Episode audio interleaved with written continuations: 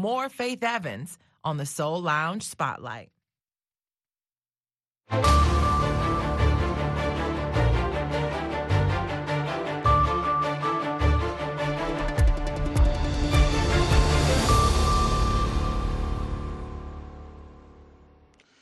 Halkani waa washington laanta af soomaaliga ee v o a oo aad si toosa uga dhagaysanaysaan muujada gaagaaban efemyada geeska afrika iyo weliba dunida o dhan ood nagala socotaan boggayaga v o a somali com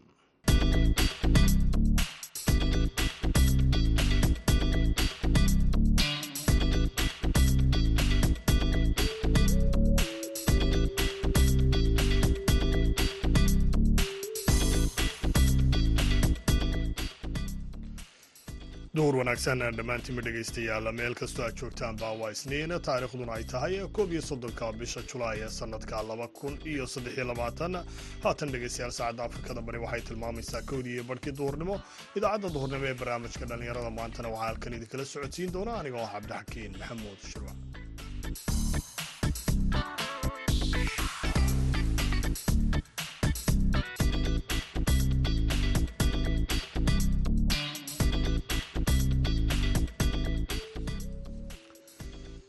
qodobada dhegeystayaal aad ku maqli doontaan idaacadda duhurnimo ee barnaamijka dhallinyarada maantana waxaa ka mid a puntland oo lagu qabtay kulan lagaga hadlayay tacadiyada ka dhanka ah bani aadamnimada. Sidii aynu u maarayn lahayn ama u maamuli lahayn ama aynu u xallin lahayn kiisaska tacadiyadda ee aalaaba ka dhaca gobolka aynu ku noolna waa kiis management weeyaanin. Inta ugu badan kiisaskaani waxay ka dhacaan waa dhibiisyada sida hadda la sheegay waxaa kaloo aad dhegaysan doontaan madal ay ku kulmaan aqoon-yahanada da'yarta ah oo laga hirgeliyey magaalada cadaada ee galmudug iyo weliba qodobo kale dhegaystayaal hase yeeshe marka hore ku soo dhowaada qodobadii wararka adduunka ugu waaweynaa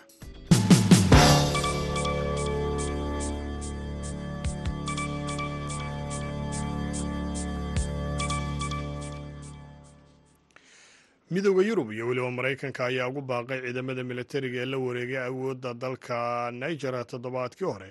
Inay joojiyaan afgembiga ay wadaan islamarkaana ay xafiiska dib ugu soo celiyaan madaxweyne maxamed baasuum joseph borel oo ah madaxa siyaasadda arrimaha dibadda ee dalalka midooda yurub oo ku bahoobay. Ayaa maanta taageero u muujiyay tallaabooyinka ay qaadeen dalalka ku bahoobay urur goboleedka ikawa saxaddii iyagoo cunaqabatayna doora ku soo rogay xubnaha hogaaminaya afgembigaasi islamarkaana u qabtay. Muddo toddobaad inay kaga laabtaan ama ay kaga noqdaan afgembigaasi ama inay waajihi doonaan tallaabooyin ay ka mid yihiin in awood loo adeegsado. Geesta kalena xogayaha arrimaha dibadda maraykanka antony blinkan ayaa sidoo kale soo dhoweeyey waxa uu ku tilmaamay hogaaminta xooggan ee urur goboleedka ikawas kaasi oo ay ku difaacayaan kala dambeynta dalka niger isagoo intaasina sii raaciyey in dalka maraykanku uu codkiisa ku biirinayo. Baaqyada ah in si dhaqso ah loo sii daayo madaxweyne baasuum islamarkaana dib loo soo celiyo dowladdii sida dimuqraadiga ah dalkaasi niger loogu doortay. Mas'uuliyiinta dalka bakistan ayaa maanta sheegay in tirada dhimashada ee qaraxii ka dhacay ee waqooyi galbeeda dalkaasi ee gobolka ku yaalla ee khaybar bakbuwa ay gaadheen shan iyo afartan qof qaraxan oo ka dhacay qaar oo ah magaalo ku taalla aaga bajoor oo iyadu ku teedsan xadka dalkaasi uu la wadaaga waddanka afghanistan. Ayaa dhacay bartamihii amaan ayaa dhacay galabnimadii axaddii shalay xilli ay dadkani ku howlanaayeen ka shaqaynta ururdiimeedka jamciyatul ilaam islaam. Muuqaala laga duubay kulankaasi ay lahaayeen xubnahani markii uu qaraxu dhacayay ayaa laga arkay dadka oo ku jira teendho weyn islamarkaana qof khudbadaynaya dhegaysanaya markii qaraxaasi uu beegsaday ama halkaasi uu ka dhacay. Qoraal uu soo dhigay bogga twitter-ka wasiirka arrimaha gudaha dalkaasi bakistan rana sanahula ayaa uu ku sheegay in ay baadhitaan arrintan ku saabsan la amray islamarkaana haatan uu bilaabmayo. Dhegeystayaal qodobadii wararka adduunka ugu waaweynaana waa naga intaa haatanna u diyaar garooba. Qeybaha dambe idaacadda duhurnimo ee barnaamijka dhallinyarada maanta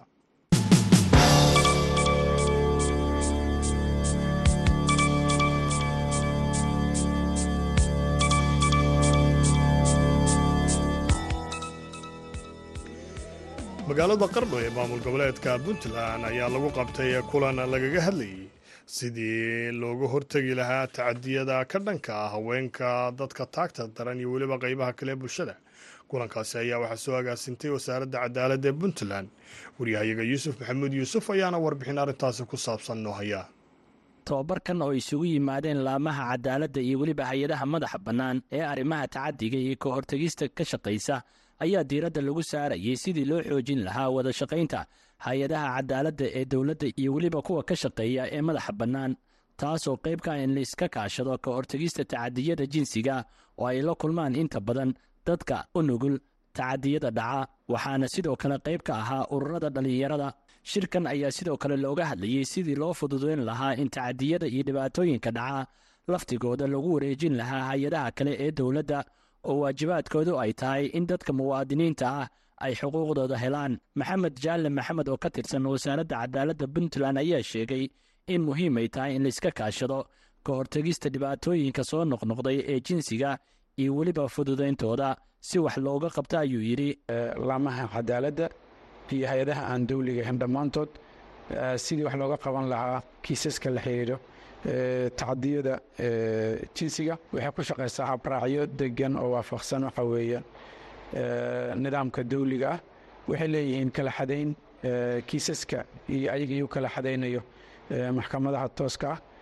Ah sidaa daraaddeed si la mid ah waxaa muhiim noqotay in wada shaqayntooda ay la shaqaynayaan hay'adaha kale ee dowladda iyo hay'adaha aan dowliga ahayn ee wax ka qabta tacadiyada jinsiga sidii loo fududayn lahaa.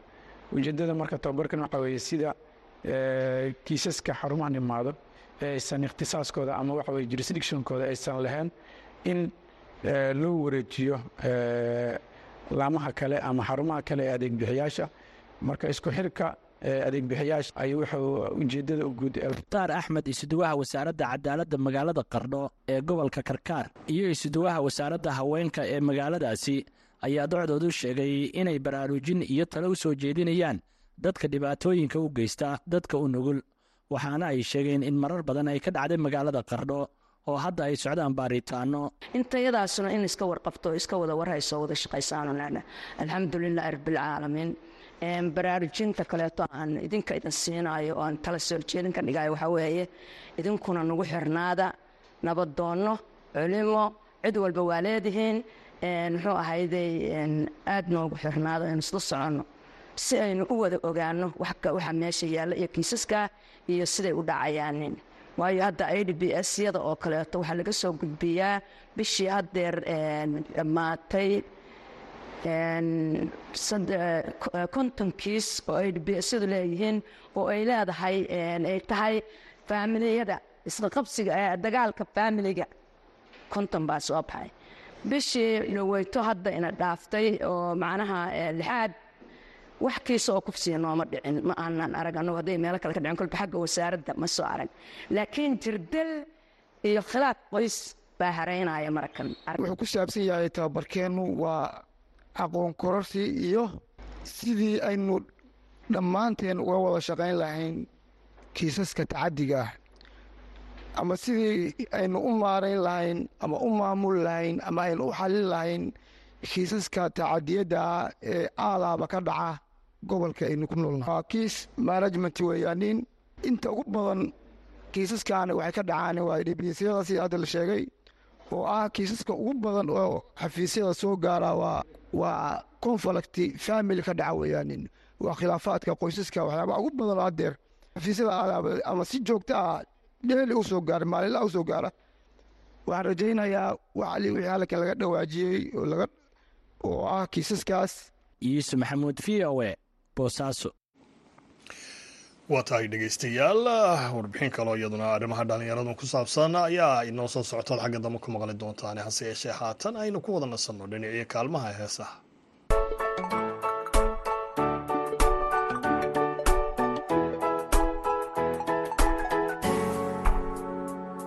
Xubna hadalkaaga qubataa badhbaaba xanuunsanaya adigu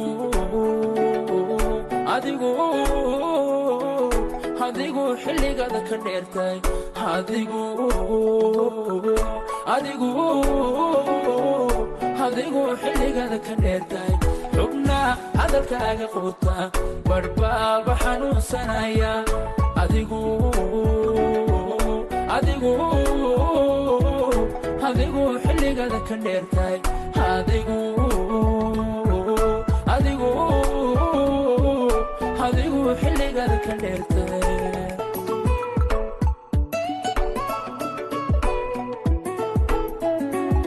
xaalkayga adoo waraysana xogtayda adaa markiiba xabiibti indhaha ka qaata ka qaata indhaha ka qaata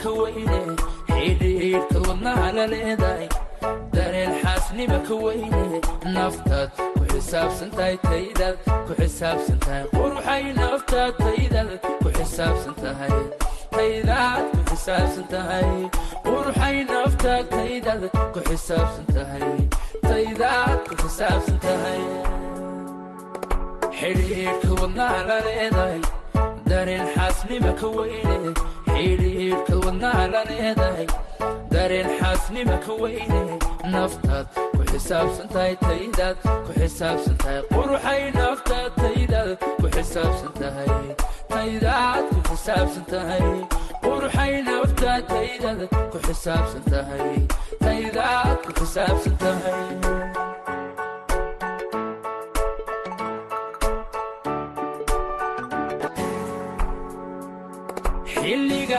dheerideenna xusuustaada la noolay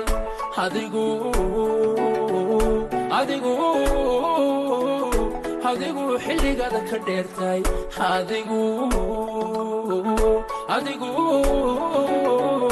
adigu xilligada ka dheertay xilliga kala dheerideenna xusuustaada la noolay adigu adigu xilligada ka dheertahay.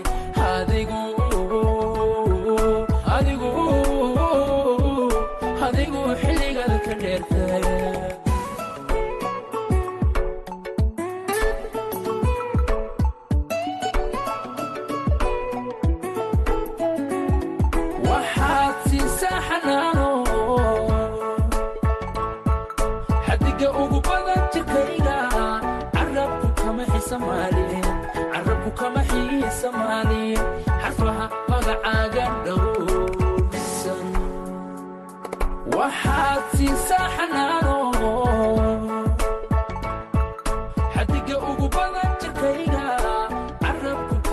carabku kama xiisamaalin xarfaha magacaaga dhowrsan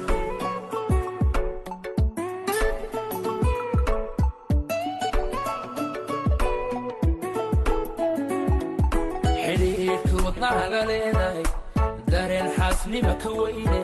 Xidhiidhka wadnaha la leedahay dareen xaasnima ka weyne naftaad ku xisaabsan tahay taydaad ku xisaabsan tahay quruxay naftaad taydaad ku xisaabsan tahay taydaad ku xisaabsan tahay quruxay naftaad taydaad ku xisaabsan tahay taydaad ku xisaabsan tahay xidhiidhka wadnaha la leedahay dareen xaasnima ka weyne xidhiidhka wadnaha la leedahay dareen xaasnima ka weyne naftaad ku xisaabsan tahay taydaad ku xisaabsan tahay quruxay naftaad taydaad ku xisaabsan tahay taydaad ku xisaabsan tahay quruxay naftaad taydaad ku xisaabsan tahay waaga dhegeystayaal heestaasi codkiisa inagu soo gaadhsiinayay suldaan seeraar aynu intaasi kaga nimaadna islamarkaana aynu hore ugu sii soconno idaacaddeenna duhurnimo ee barnaamijka dhallinyarada maanta. Magaalada cadaado ee maamul goboleedka galmudug ayaa dhallinyaro ay ka hirgeliyeen xarun ay ugu talagaleen inay kulmiso aqoon-yahanada da'yarta. Ah wariyaha v o a cabdiwaaxid macalin isaaq ayaana warbixin arrintaasi ku saabsan inoo haya dhalinyaro ku dhaqan degmada cadaade ee gobolka galgaduud ayaa sameeyey goob ay ku kulmaan dhalinyarada aqoon-yahanada iyo kuwa hal abuurka leh si ay bulshada qeybaheeda kale ugu soo bandhigaan aqoonta iyo halabuurka ay hayaan. Saxnuun axmed maxamuud waxa uu ka mid yahay dhallinyaradii aas-aastay madasha lagu kulmiyo dhallinyarada waxa uu sharaxaya waxa ay qabtaan. Waa madal lagu soo bandhigo aragtiyada bulshada waxa ay leedahay bandhigyo bishii mar dhaca oo kale ah. Mawaadiic habeen aan ku soo bandhigno mawaadiic khuseeyo nolosha. Iyo habeen aanu ku soo bandhigno suugaanta. Marka madashu waa madal dadweynaha u furan qof ay ka xiran tahay ma jiro. Shuruudda ay leedahay oo kale waxaa ka mid a ugu weyn qofkii inuu ehel u yahay waxa uu rabo inuu ka hadlo ama aqoon u leeyahay xasan maxamed cusmaan waxa uu sheegayaa in barnaamijyadii ay qabteen qaarkood ay dhalintu soo jiiteen. Brograamyada runtii aan qabanay isla markaasina dhalinyarada xiisaha badan u sameynaya waxaa ka mid ahaa habeenkii koowaad ee barnaamijka aan qabanay daafurkii kadib waxaa looga hadlayay laba mawduuc oo kale ah. Mawduuc huseeya horumarinta nolosha iyo qofka hidada ku jirta inuu maaragta usan la xishoonin ee uu banaanka soo dhigo iyo mid kale oo la xiriira baxnimada islaamka. Labada mawduuc ayaan brograamka ku bilownay. Marka runtii bulshadii ka soo qeyb gashana aada ayay ula dhaceen oo waxyaabo badan oo markaasi ka daahsoonaa ayay fahmeen. Bandhiga kasukow dhalinyaradu hawshan aada haysaan faa-iida ma u tahay? Waa u tahay cabdiwaaxid oo faa-iido tusaale ahaan. Habeenkii aan ku soo qaadanay waxaa ku saabsanaa mawduuca ahaa ilbaxnimada islaamka. Dad badan ayaa sheekooyinka ama meeshaas waxyaabaha lagu soo bandhigayay aada ula dhacay oo wax badan ka faa-iiday sidoo kale waxaa jiray isdhexgal dadka dhexdooda ah oo dad badan oo aan isdhegeysan jirin ama aan maaragtay fagaarayaasha isku arki jirin inay meeshaan isku arkeen. Marka dhalinyarada jaamacadaha dhigata aqoon-yahanada ayaa ka soo qeyb galaya barnaamijka. Marka in la doodo oo kale tusaale ahaan dad la sameeyo oo qeyb noogu ah barnaamijyadeena ama in lagjar la soo jeediyo oo nolosha horumarinteeda ku saabsan ama wax kale ama qofkii lagjarka soo jeediyey bulshadii ka soo qeyb gashay ay su'aala weydiiyaan runtii waa wax aqoonta qofka iyo maaragtay ilbaxnimadiisa kor u qaadaya oo dhisaya. Inkastoo goob bulshada qeybaheeda lagu kulmiye si ay u soo bandhigaan aqoonta ay hayaan iyo hal abuurka ku jira ay tahay markii ugu horeysay ee laga hirgeliyo cadaada haddana saxnuun ayaa ka waramaya wixii ku dhaliyey hirgelinta madashan waa tahay aragtidan waxaa nagu dhaliyey deegaankan wuxuu ka mid yahay deegaanada soomaalida caasimadaha soomaalida oo ay ku soo biirtay magaalada cadaado oo waxay caasimada dalka u tahay dowlad goboleedka galmudug. Sidaasi darteed waxaa muhiimad leh oo wax la fahmo ama la garwaaqsado ah in deegaankii dib loo milicsado dadkii ku noolaa iyo bulshadii waxyaabihii ay u baahan yihiin.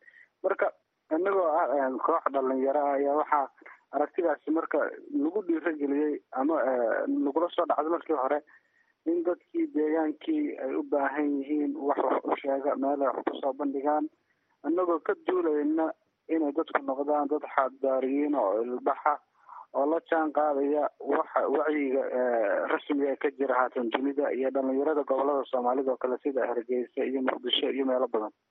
Xasan iyo saaxiibadii ayaa gacan ka helay dhalinyarada kale ee deegaanka ku nool si ay u hirgasho goob lagu kulmiyo dhalinyarada waa ay jiraan si fiican dhalinyaro badan oo aqoon-yahanada deegaanka ah macalimiin leh arday jaamacadeed leh arday dugsi sare dhamaystay leh dhakhaatiir leh.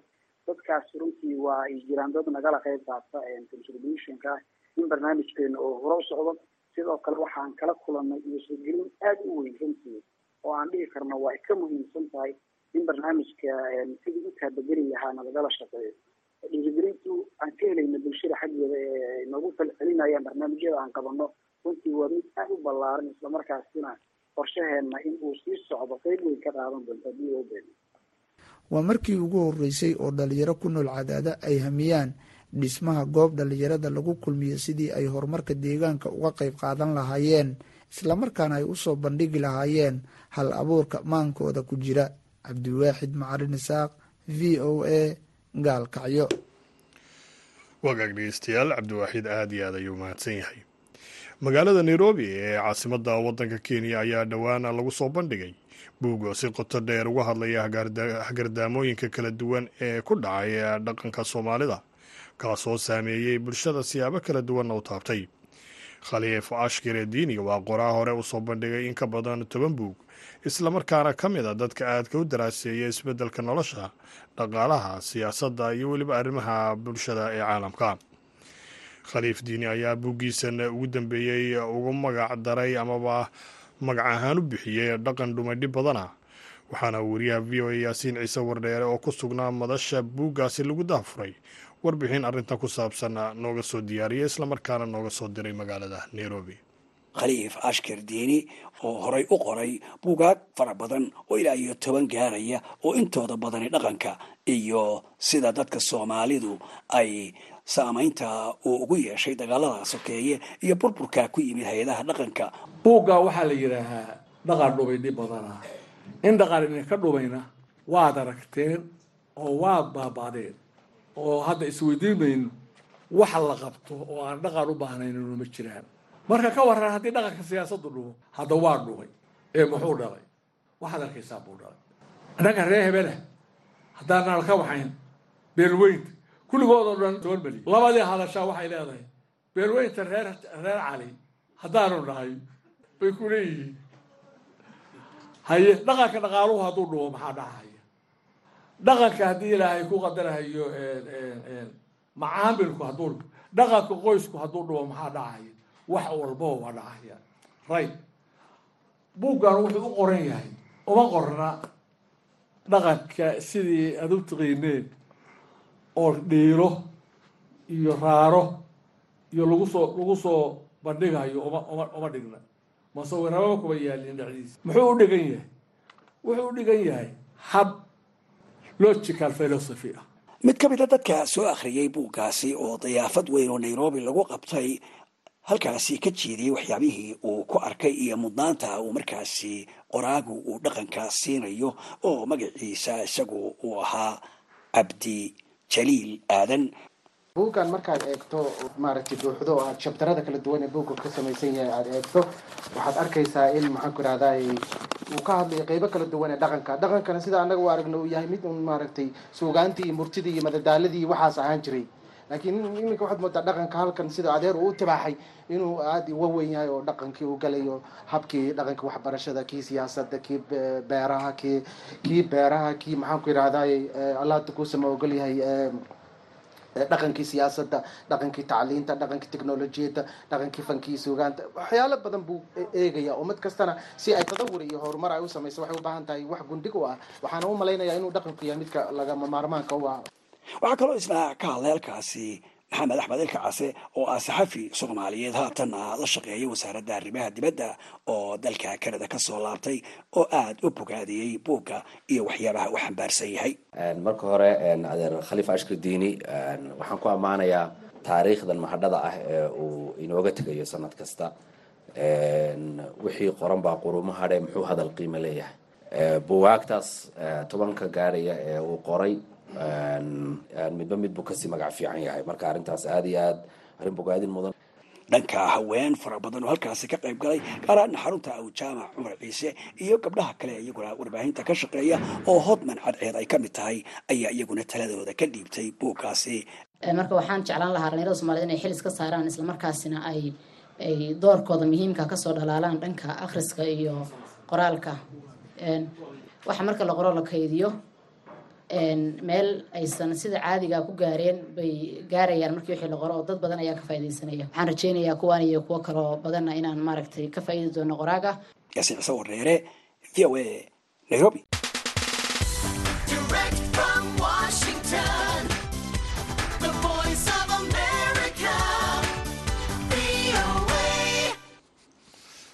wagaag dhegeystayaal gabagabadii idaacadda ayaanu maraynaaye haatanna aynu mar kale dib u jaleecno dhinacii kaalmaha ee heesaha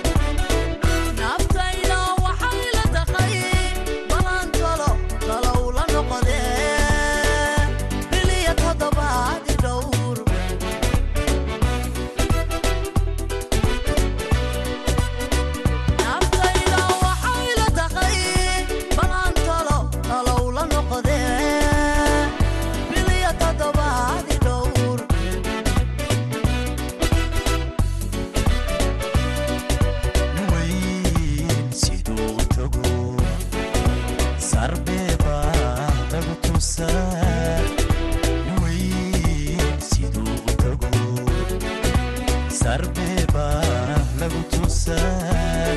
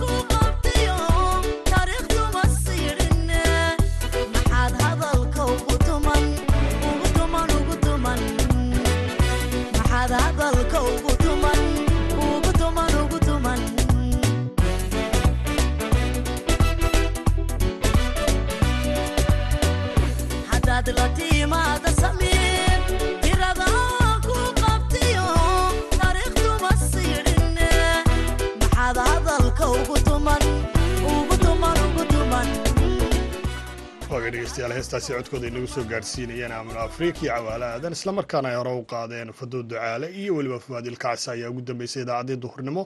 Tan iyo kulanti dambe waxaan idi leeyahay sidaa iyo nabadgelyo